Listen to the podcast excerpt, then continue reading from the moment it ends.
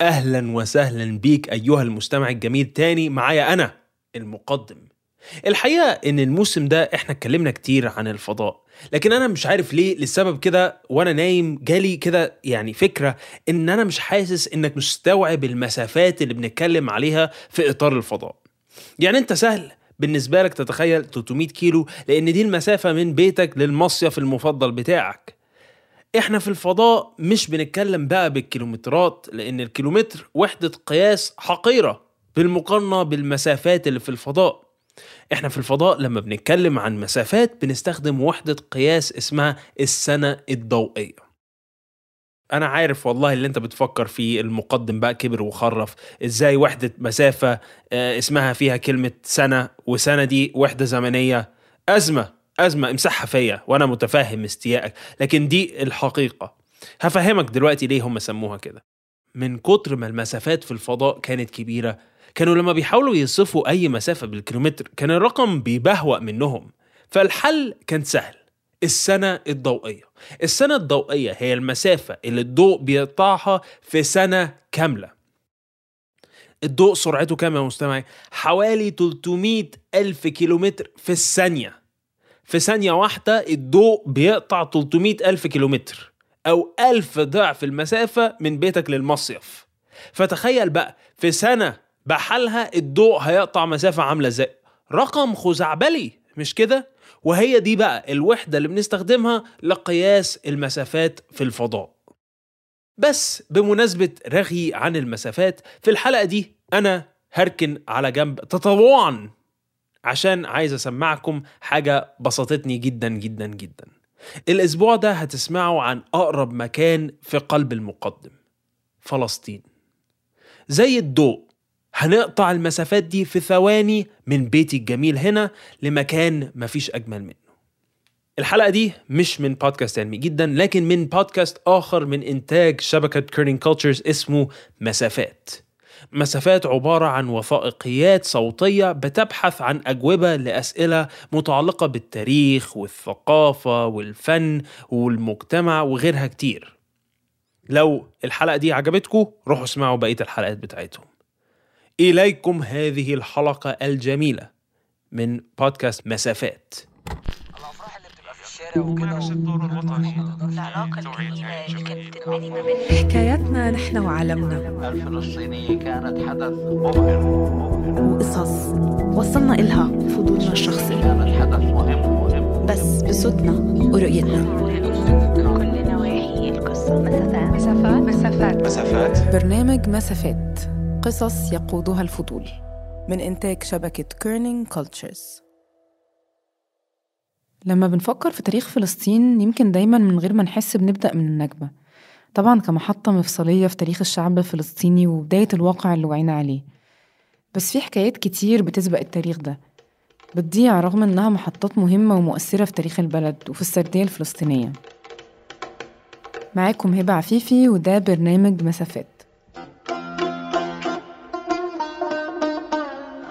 قصة النهاردة قصة محطة إذاعية تأسست في لحظة تحول. في مدينة القدس. قصتنا عن إذاعة هنا القدس. الزمان سنة 1936 فترة الانتداب البريطاني. هسيبكم مع منتجين حلقة النهاردة دينا سالم وشهد بني عودة.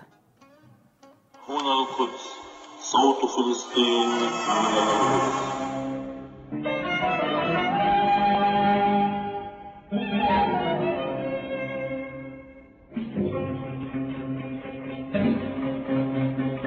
طبعا الإذاعة تأسست بسنة ال 1936 آه، وطبعا كانت تابعة للبريد ودائرة البريد والتلغراف ال- البريطانية.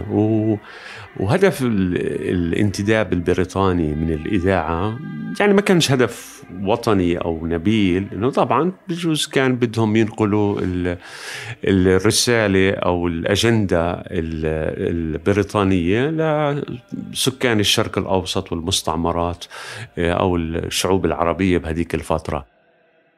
سمعتوا صوت رائد دزدار رائد مخرج فلسطيني من مواليد القدس وكان من أوائل الناس اللي قدرنا نوصلهم بعد ما حضرنا له فيلم أخرجوا عن هاي الإذاعة في عام 2008 اشتغل على هذا الفيلم لسنوات طويلة ودخل في رحلة بحث بدون ضمانات ليوثق ويغطي تاريخ غير ملموس.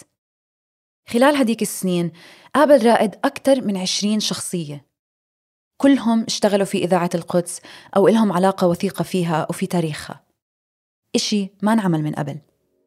لما بلشت أنا ودينا نشتغل على هاي القصة أول إشي خطر لنا قد إيه في قصص وحوادث مرقت وعم بختفي أثرها كأنها لم تكن مع مرور الوقت والزمن. والأشخاص اللي هم شهود على كل هاي القصص بلشنا نخسرهم. المهم قدرنا نوصل لرائد وبصراحة ما بخل علينا بأي معلومة. ووقتها حكى لنا إنه من بين كل الشخصيات اللي قابلهم عشان هذا الفيلم اللي عمله بس في تنين عايشين لهلأ. وإنتوا وحظكم تقدروا توصلوا لهم. جزء مني كان حزين كتير إنه من بين العشرين شخصية اللي عاشوا في فترة الثلاثينات واشتغلوا في الإذاعة واللي رائد كان محظوظ كفاية إنه يلتقي معهم ويقابلهم شخصياً شخصين منهم بس اللي لهلأ عايشين. بس بنفس الوقت في جزء مني كان متحمس ومبسوط إنه رح أسمع تفاصيل وقصص من عالم عاشوا هذا التاريخ بنفسهم. ومن هون بلشت رحلتنا أنا ودينا بدأ اهتمامنا بالقصة دي لما عرفنا معلومة بتقول إنه كان في إذاعة في القدس سنة 1936 أسسها الانتداب البريطاني فكان طبعا السؤال هو ليه؟ إيه مصلحة قوة استعمارية إنها تدي صوت لأهل البلد بلغتهم ويكونوا هم القائمين عليه؟ وإيه شكل المحتوى اللي ممكن يخرج من الإذاعة دي؟ وهيخدم مين؟ الحقيقة رحلتنا مع إذاعة القدس بدأت من أكتر من ثلاث سنين وفعلا طلعت حلقة عنها في برنامج Kerning Cultures بالإنجليزي بس كان لسه في حاجات أكتر عايزين نستكشفها. شهد ودينا بدأوا بقائمة المصادر اللي قدرنا نجمعها في الفترة دي بس الوصول للناس اللي كانت جزء من المحطة دي في تاريخ فلسطين ما كانتش مهمة سهلة. قدرنا نوصل للشخصية الأولى ربيحة دجاني اللي كانت من أوائل المؤسسات والمذيعات في إذاعة هنا القدس. بعد عملية بحث طويلة قدرنا نعرف إنها مستقرة في مدينة أبو ظبي عند بنتها السيدة سلوى مقدادي. بدأت تكتب مذكراتها ب بالثمانينات وهي كاتبة يعني بتقدري تقري عربي صفحة هذه. تقول هي إنها كانت أول سيدة عربية مسلمة مسلمة من القدس تكتب وتقدم للإذاعة حديثا عن المرأة. للأسف ما قدرنا نشوف ربيحة شخصيا لأنها كانت تعبانة ومريضة. بس من الأشياء اللي كتير كتير بتذكرها منيح هو إن قدرنا نسمع من الغرفة الثانية اللي كنا قاعدين فيها إنه ربيحة كانت عم تسمع أغنية لفريد الأطرش. زرنا ربيحة في أواخر 2019 وتوفت بعد ما زرناها ببيت بنتها بأشهر معدودة. كنت أتمنى أن يكون صوتي جميلا. وقتها كان عمرها 96 سنة. هون تحديدا حسينا بالإحباط إنه ضل عنا شخصية واحدة وهالشخصية كمان مش مضمونة. شو بيضمن يكون هالشخص لسه ذاكرته منيحة بس ما وقفنا هون وكنا مصرين نلاقي الشخص الوحيد اللي قادر يحكي لنا عن إذاعة القدس. حازم نسيبة اعتمدنا على ذاكرة رائد وهو وصفه للمنطقة اللي قابل فيها حازم قبل عشر سنين. ومن معلومة صغيرة لمعلومة صغيرة تانية قدرنا أخيراً نوصل لرقم بيت حازم في عمان. لكن ما كنا عارفين إذا حازم لساته عايش هناك أو إذا مستعد يحكي معانا. بس قررنا نغامر ونجرب حظنا. آه بدأت العمل أول يوم في العمل في الإذاعة كان سنة ال 1945 هو أنا في قسم الأخبار في دار الإذاعة. دار الإذاعة الفلسطينية كانت حدث مبهر كانت حدث مهم لأنه لأول مرة الناس ما كانوا متعودين بفلسطين على شيء اسمه إذاعة. وطبعا التلفزيون ما كان وارد إطلاقا. حازم كان رئيس تحرير الأخبار في إذاعة القدس. اسمه معروف لأنه بعد شغله في الإذاعة تعين كوزير في الحكومة الأردنية وكمل مسيرته المهنية في السياسة. اليوم بسن ال 99 حازم هو الشاهد الأخير من الموظفين العرب اللي اشتغلوا في الإذاعة على هذا التاريخ. في هذيك الأيام يمكن ما فيش أكثر من أربعة خمس آلاف جهاز راديو مش التلفزيونات ما كانت موجودة كانوا يوضعوا الراديو في مقاهي. كانوا يوضعوا الراديو في تجمعات سكانية آه، آه، دواوين آه، والحكومة كانت تعمل برامج كمان تاخذ ال- الإذاعة تدور في القرى حتى تنورهم في مواضيع مختلفة تنويرية بزمن الحرب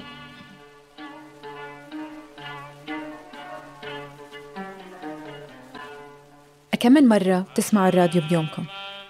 يمكن مش هالقد يمكن ما بتسمعوا له نهائياً. يمكن بس بتضووا لما تكونوا بالسيارة وبدكم صوت يسليكم ويحسسكم بالرفقة.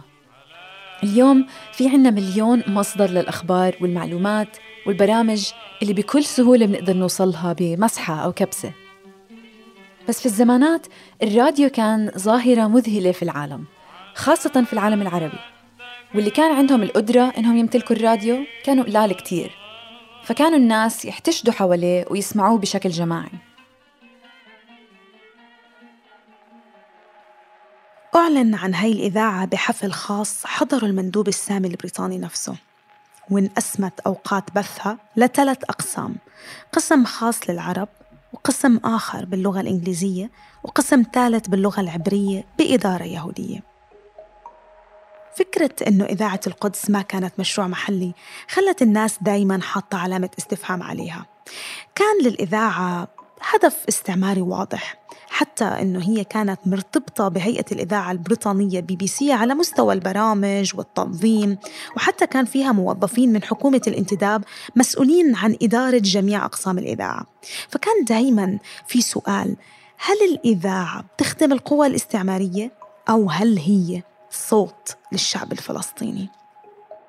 فهي كانت أول مرة حتى لليهود إنه لغتهم تكون مسموعة بمنطقة الشرق الأوسط تكون لغة أو من اللغات الرسمية آه، آه، عند الانتداب البريطاني خاصة بفلسطين ولكن الحمد لله أنه تم اختيار آه، إبراهيم طوقان فهو كان مسؤول القسم العربي في إذاعة هنا القدس إبراهيم توقان معروف هلأ كواحد من رواد الشعر العربي في فلسطين اللي وصفه الأديب الفلسطيني خليل السكاكيني كمتطرف في آرائه وفي وطنيته.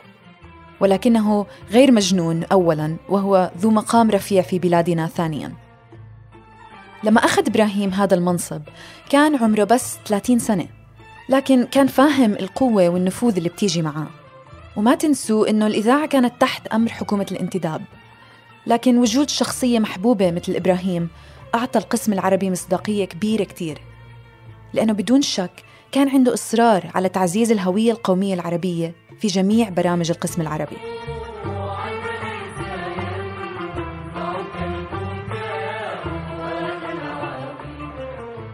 بس مع هيك ومع وجود إبراهيم طوقان الإذاعة لسه كان عليها خلاف وجدل كبير. وظهرت بوقتها معارضة كبيرة بين أوساط المثقفين الفلسطينيين حول موقفهم منها. الإذاعة كانت فعلياً إشي غير مسبوق خاصة أنه جزء من أجندتها كان هدفه تلبية احتياجات جمهور كبير ومتنوع في فلسطين وجزء كبير من هذا الجمهور ما كانش بس فلسطينية بس كمان الأعداد المتزايدة اللي كانت توصل فلسطين من المستوطنين اليهود. كان هناك قاعة موجود فيها قسم آه، للبرنامج الإنجليزي قسم للبرنامج العربي وقسم للبرنامج العبري. وكان تواصل عادي يعني ما كان في أي هذا كله كان قبل نشوء الحرب والنزاع والحرب اللي صارت سنة السبعة وأربعين وثمانية وأربعين. يعني كانوا بغرفة واحدة كبيرة قاعة كبيرة كانت. لما بلشت الإذاعة كانت عبارة عن غرفتين في فندق بالاس. أقل من كيلومتر واحد من بوابة يافا في القدس خارج أسوار البلد القديمة.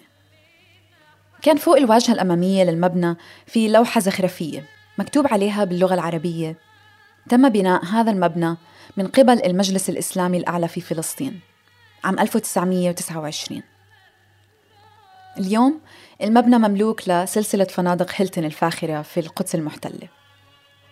لكن مثل ما رح نسمع في الحلقة إذاعة القدس ولا مرة قدرت تستقر بمحل واحد وضلت تتنقل من مكان لمكان.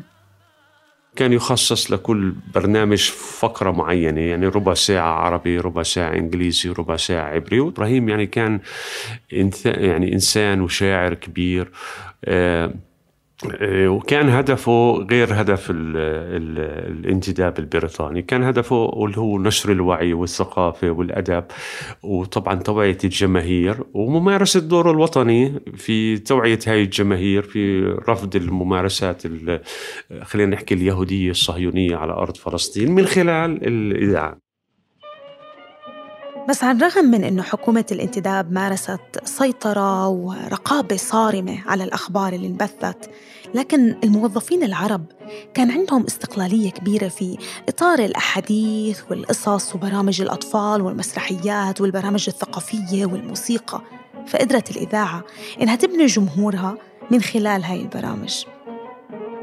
معظم الموظفين الفلسطينيين في القسم العربي للإذاعة تمتعوا بمستوى ثقافي واجتماعي رفيع وقدروا يسخروا الإذاعة لصالحهم من أهدافهم كان إنهم يعززوا اللغة العربية الفصحى. كمان قاوموا السياسة البريطانية والقوانين الصارمة اللي انفرضت على رؤيتهم التحريرية. كنا بالفعل في مستوى البي بي سي هيئة الإذاعة البريطانية من حيث الأداء الصحيح بالمحتوى نفسه. المحتوى كانت الأخبار الصحيحة. طبعا إحنا كنا نركز في القسم العربي من دائرة الأخبار آه الأشياء اللي بتم العالم العربي الفلسطينيين بالدرجة الأولى والعالم العربي بالدرجة الثانية. بعد 21 يوم من انطلاق إذاعة القدس في 20 نيسان عام 1936 تغير كل إشي في فلسطين. واشتعلت ثورة ال 36 مع إضرابات غير مسبوقة في المجتمع الفلسطيني looks out over the old walled city of Jerusalem as once again the irresistible force of Zionism meets the immovable object of Arab nationalism among the blood-stained hills of the Holy Land. Armored cars with reinforced screens patrol the road from Jerusalem to Bethlehem. ثورة ال 36 هي ثورة أو انتفاضة وطنية شهدتها الأراضي الفلسطينية كاملة من ال 36 لل 39 طبعا كانت ضد الاستعمار البريطاني والحركة الصهيونية اللي بوقتها كانت مدعومة من الحكومة البريطانية. كانت كمان معروفة باسم الثورة الكبرى. بوقتها كانت أنحاء الأراضي الفلسطينية بتشهد مظاهرات وإضرابات عمالية ونضال مسلح.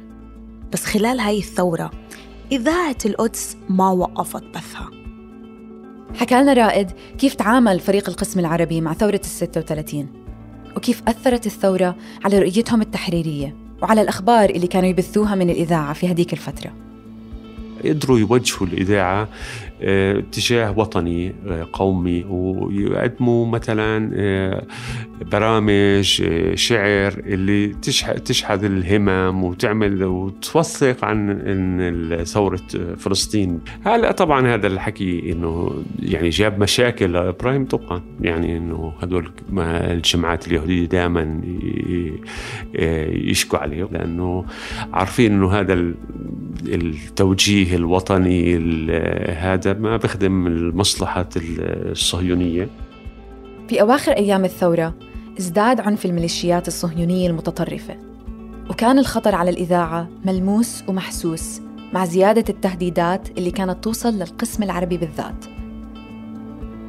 فانتقلت الإذاعة إلى عمارة الأحباش ب 39 بعد ما جهزوا آه، آه، داخليا العمارة عملوا استديوهات وانتقلت بال 39 إلى إلى حي المصرارة وظلت الاستديوهات البث والإرسال ومحطة الإرسال في رام الله.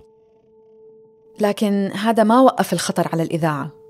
وفي 2 آب من عام 1939 أثناء بث برنامج حديث الأطفال. تحديداً على الساعة 25 دقيقة مساءً هزت ثلاث قنابل مقر الإذاعة الفلسطينية في القدس. هذا البرنامج كان من تأديب المذيعة هنريت سكسك المعروفة باسم سعاد وكان يبث كل يوم سبت. برنامجها كان له شعبية كتير كبيرة وما كان مجرد قراءة قصص للأطفال. لكن هنريت أو الآنسة سعاد زي ما كانت معروفة بهذاك الوقت كانت تستضيف الأطفال في الاستوديو. وكان بيتضمن غناء وموسيقى وفن يعني فقرات عديدة. هنريت من الشخصيات المفضلة عند رائد. بتذكر لما سألناه مين أكثر شخصية بتتذكرها بوضوح يعني بدون تفكير جاوبني هنريت طبعا. أجا وشوشني خدي الأطفال وانزلوا تحت. للكافيتيريا بنقدم لهم شوكولاتة وهيك أشياء بيبقاش معهم خبر لبين ما تنتهي القصة. خلص نزلت الأطفال تحت رائد حكى لنا إنه هنريت توفت عام 2014 وهذا المقطع هو من فيلم رائد هنا القدس واللي كانت عم تحكي لرائد عن هداك اليوم وكيف حاولت تشتت انتباه الأطفال على الانفجار اللي صار خوفا عليهم. هي قديش كان عندها هذا الحب والشغف للأطفال وقديش كانت تحب آه، عملها بالأطفال. و يعني حتى لما ذكرت لي إنه صار هجوم على الإذاعة واعتداء بال 39 آه، قديش يعني كيف قديش خايفة على الأطفال؟ إنه مش خايفة على الأطفال على حياتهم. يعني خايفة على إنه الأطفال يسمعوا الصوت الانفجارات وكذا انقتل في هذا الانفجار أديب منصور. أول مهندس صوت فلسطيني. بالإضافة لشابة يهودية اسمها مي فينزبرغ اللي كانت مقدمة برامج الأطفال للقسم العبري. طبعا المضايقات اللي كانت مستمرة ضد إبراهيم طوقان والاحتجاجات اللي كان يقدمها اللوبيات أو اللوبي اليهودي بفلسطين لا السلطات الانتداب البريطاني ضد إبراهيم طوقان. هل هم بالإنجليز يعني آه، فكروا يتخلصوا من إبراهيم طوقان؟ حكومة الانتداب البريطاني والمجموعات الصهيونية بلشوا يشوفوا تهديد في وجود شخصية مثل شخصية إبراهيم توقان. يعني إبراهيم توقان كان في منصب رئاسي بالإذاعة ومثل ما وصفنا لكم منهجية إبراهيم توقان وخطه التحريري أكيد ما كان بيعجب الحكومة البريطانية اللي كانت دايما بتحاول إنها تستخدم الإذاعة كأداة للهيمنة على المجتمع الفلسطيني بمختلف طبقاته. احتجوا كمان على المواضيع التاريخية والدينية والأمثال العربية وحتى كمان على برامج الأطفال في حجة إنهم بحرضوا ضد اليهود وبحفزوا العرب على إنهم يثوروا ضد الحكومة البريطانية. واستمرت المطاردات الصهيونية ضد إبراهيم لحد ما أدوا إلى إقالته كرئيس القسم العربي في الإذاعة في نهاية عام 1940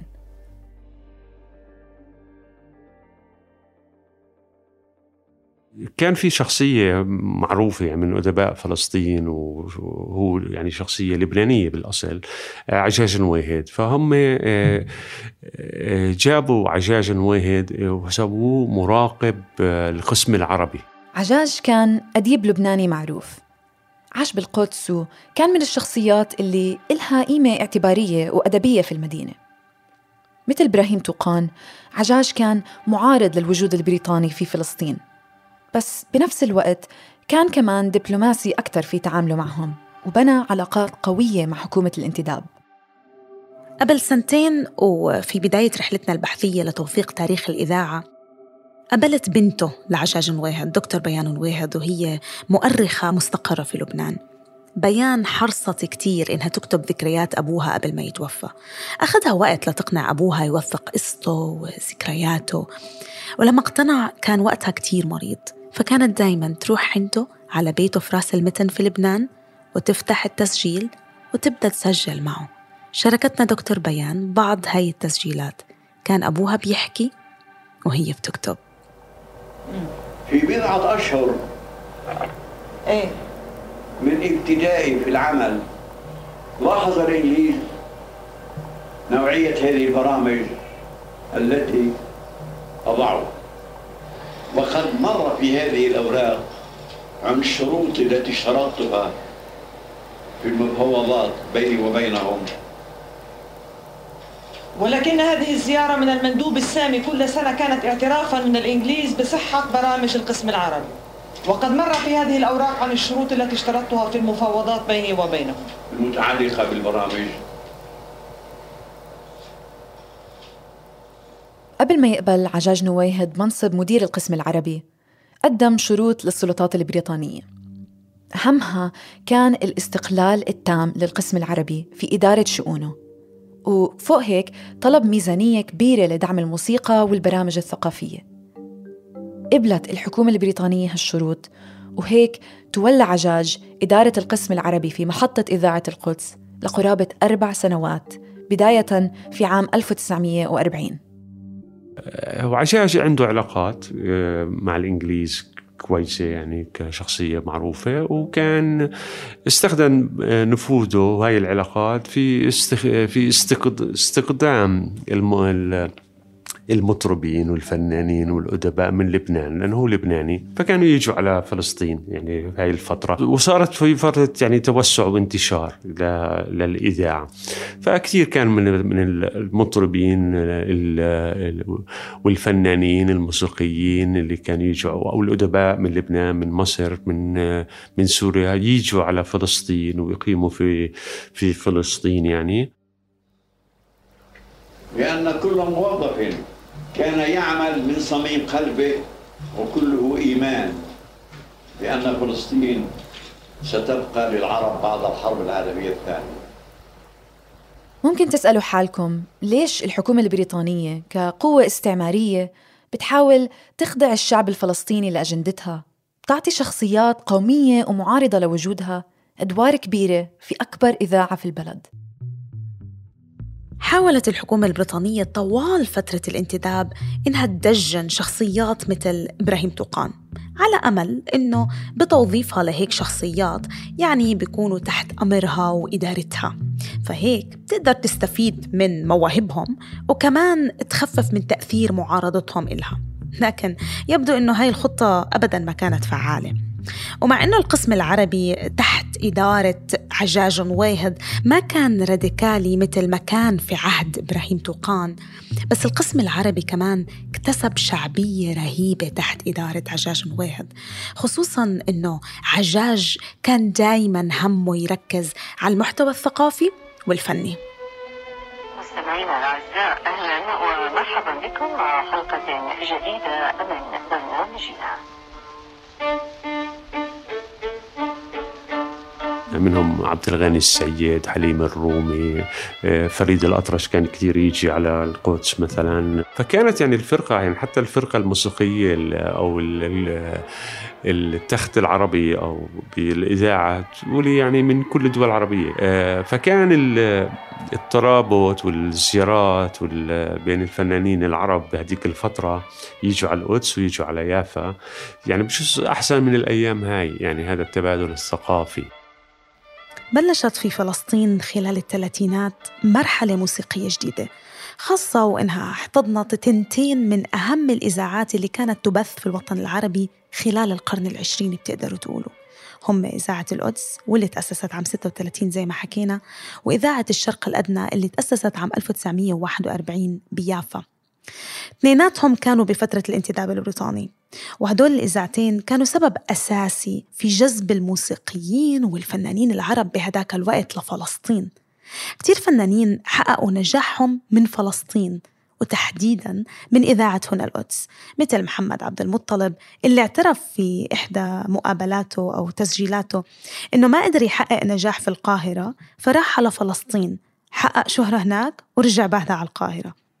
خلال هديك الفترة طفى على سطح الحياة الموسيقية الفلسطينية الكثير من المطربين والموسيقيين الفلسطينيين حتى اللي كان لهم لمسات كمان بالعالم الموسيقي العربي خاصة بالبلدان اللي هاجروا عليها بعد النكبة مثل حليم الرومي وأصف جوهرية روحي خماش رياض البندك يحيى اللبابيدي وغيرهم الكتار.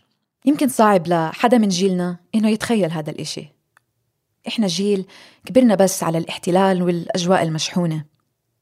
يعني لما أسمع أبوي أو عمي بيحكوا عن كيف كانوا يسافروا من دمشق للقدس أو من حيفا لبيروت بالسيارة بنبهر وبستصعب حتى أتخيل كيف. إذاعة القدس كانت من أكبر منابع الثقافة العربية ومع إنه الحرب العالمية الثانية اندلعت في هديك الفترة كانت بتصير في الخلفية.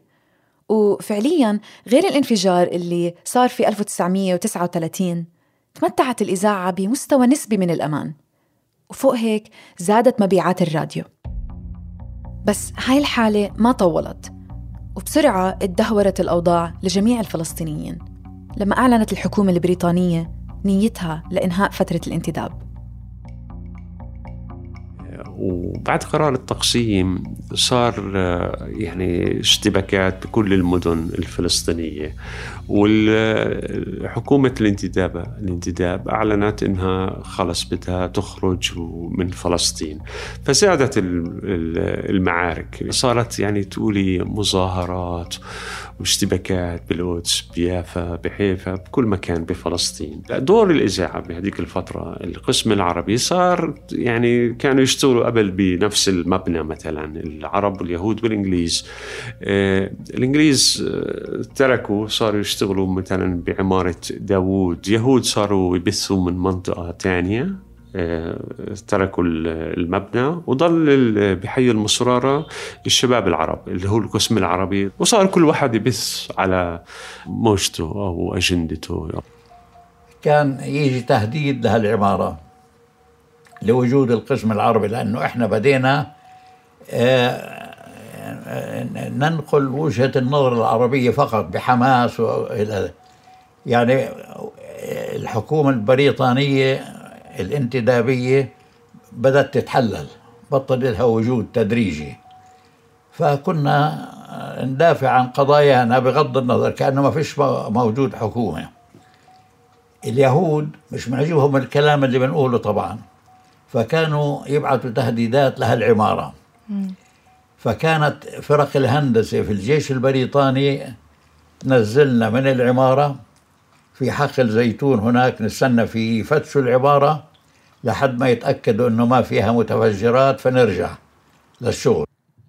والتهديدات استمرت والميليشيات الصهيونية كبرت وقويت وصار هدفها الاستعماري بلش يوضح أكثر وأكثر طبعا خوفا من أنه يصير في تفجير تاني مثل صار بال 39 انتقلت الإذاعة مرة جديدة. هالمرة استوديوهات في منطقة الأطمون وهي منطقة في القدس.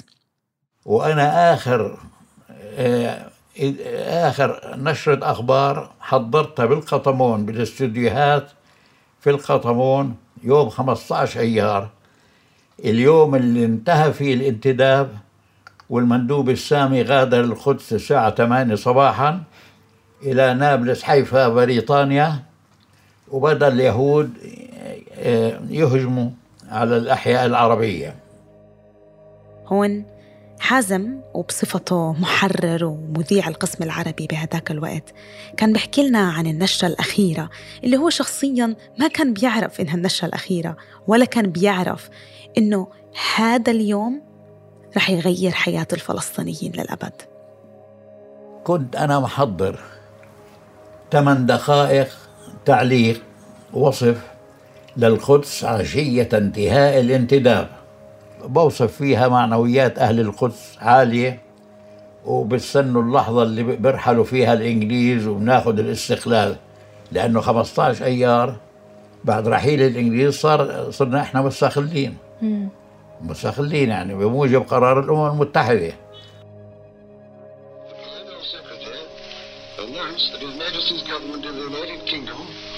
Decided that they must plan for an early withdrawal of the British forces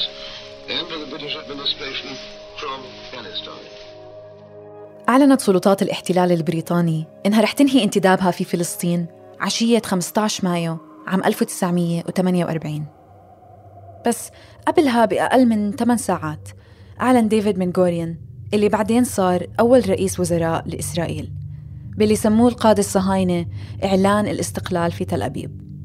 ومعها بلش أكبر حدث في تاريخ الشعب الفلسطيني. النكبة وعملية التطهير العرقي. في هداك الوقت ما كان في مصدر للأخبار غير الحكي والقصص اللي تناقلت من الناس الهربانة من عنف الميليشيات في المدن والقرى. وإذاعة القدس.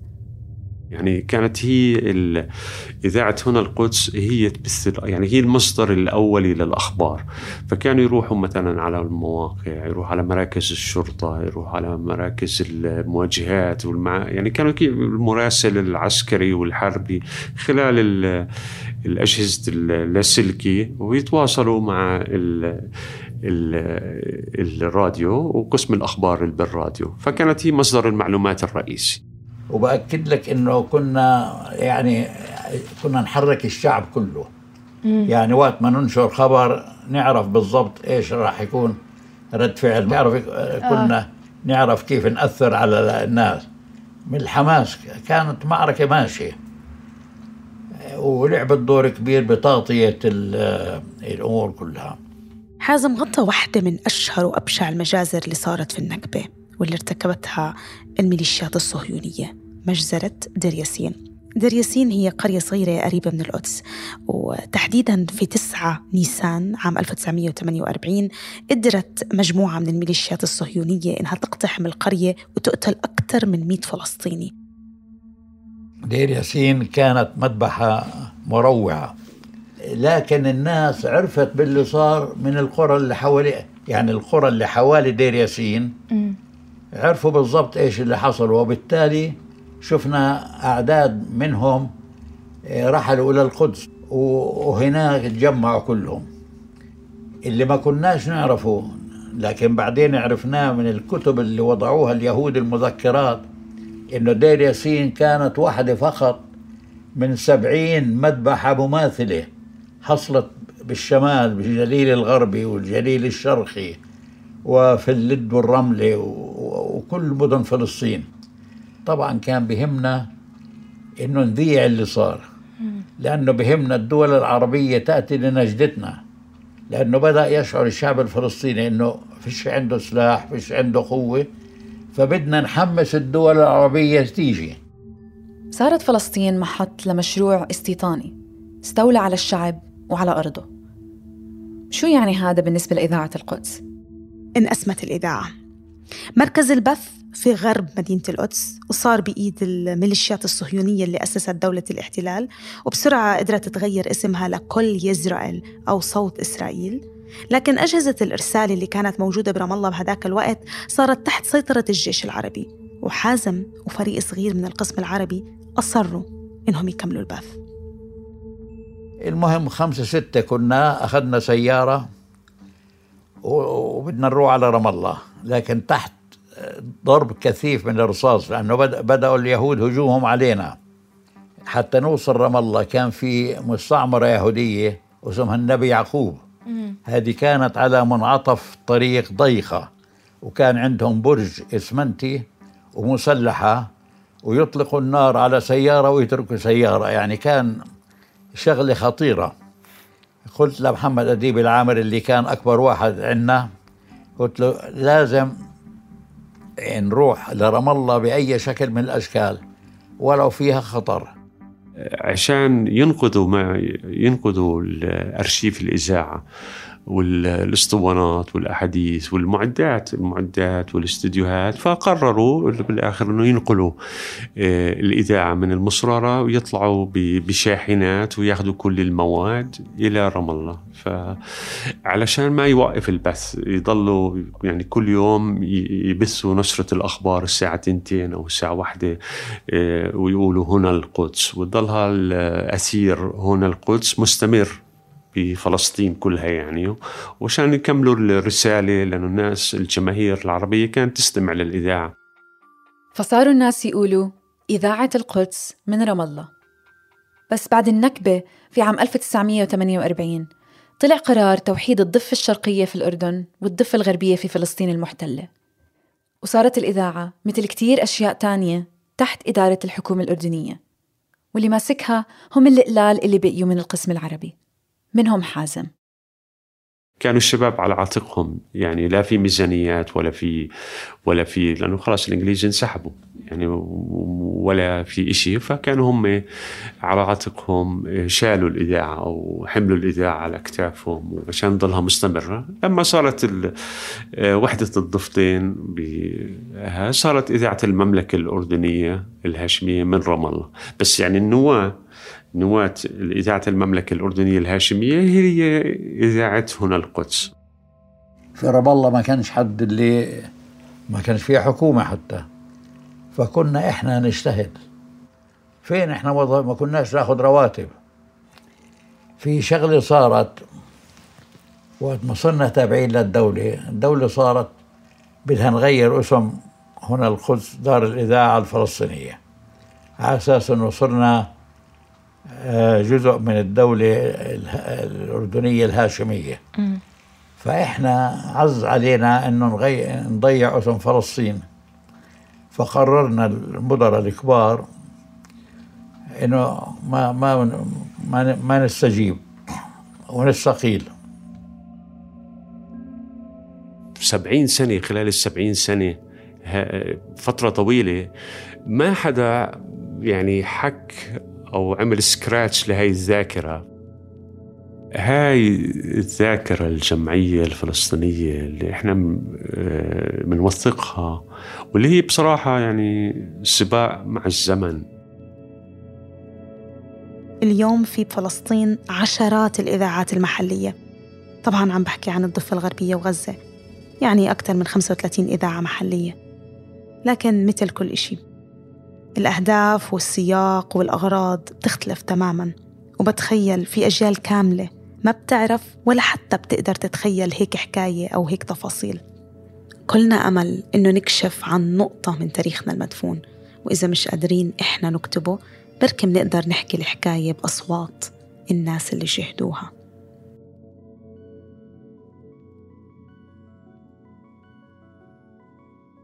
حلقة النهاردة من إنتاج دينا سالم وشهد بني عودة. تحرير المعنتبلي تصميم صوتي منذر الهاشم. فريق التسويق بلا إبراهيم وسمية أبو عبد الله تدقيق حقايق دينا صبري. تصميم جرافيكي أحمد سلهب إذا عجبتكم الحلقة يا ريت تشاركوها مع أصحابكم خاصة اللي لسه ما اكتشفوش عالم البودكاست. وتعملوا اشتراك في قناة البرنامج على أي منصة بودكاست بتستعملوها وتعملوا تقييم للحلقة. ده هيساعدنا كتير إن ناس أكتر تلاقينا. وإذا حابين تدعمونا عشان نقدر نستمر في إنتاج حلقات زي دي روحوا ل patreon.com slash kerningcultures. وإذا حابين تشوفوا تفاصيل أكتر وصور من كواليس الحلقة روحوا على حسابات Kerning Cultures على مواقع التواصل الاجتماعي. برنامج مسافات من إنتاج شبكة Kerning Cultures بنشكركم للاستماع وهنشوفكم في حلقة جديدة كل يوم جمعة.